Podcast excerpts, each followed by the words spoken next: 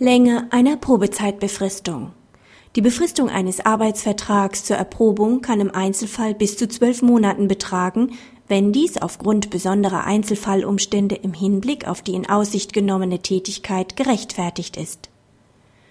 Der einem schwerbehinderten Menschen gleichgestellte Arbeitnehmer ist als Sachbearbeiter bei der Landespolizeiverwaltung im Bereich der Kopierbetreuung und Warenannahme angestellt die Parteien schließen zunächst einen auf sechs Monate befristeten Arbeitsvertrag.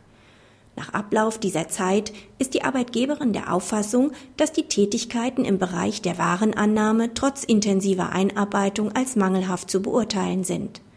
Im Rahmen einer Besprechung der Dienststellenleitung mit dem Integrationsamt wird daraufhin vereinbart, dass das Integrationsamt der Arbeitgeberin einen Jobcoach als Arbeitsassistenten für den Arbeitnehmer zur Verfügung stellt um dessen Fähigkeiten im Bereich der Warenannahme zu verbessern. Die Maßnahme wird für die Dauer von sechs Monaten bewilligt. Die Parteien schließen daraufhin unter ausdrücklichem Hinweis auf 14 Absatz 1 Nummer 5 TZBFG einen weiteren befristeten Arbeitsvertrag für die Dauer von sechs Monaten. Nach Befristungsablauf möchte die Arbeitgeberin das Arbeitsverhältnis beenden.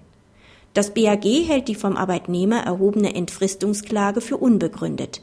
Die von den Parteien vereinbarte zweite Befristung ist durch den sachlichen Grund der Erprobung nach 14 Absatz 1 Nummer 5 TZBFG gerechtfertigt.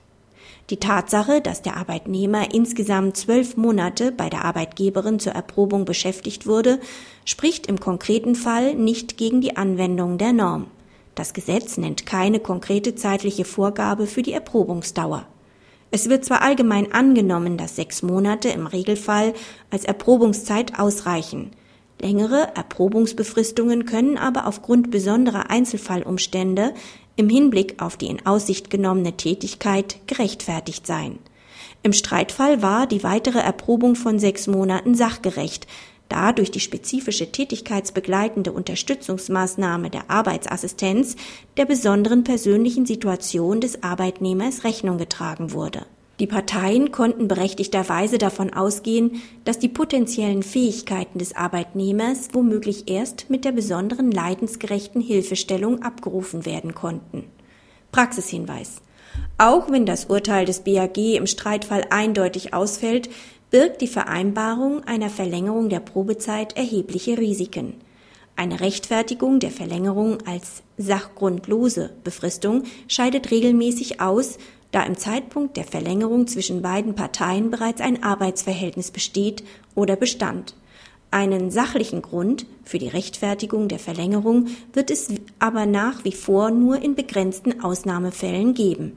Im Streitfall hatten die Parteien versucht, sich zusätzlich dadurch abzusichern, dass das ursprüngliche Arbeitsverhältnis nach Ablauf der ersten Befristung einvernehmlich beendet und im Anschluss daran ein neues Probearbeitsverhältnis gegründet wurde.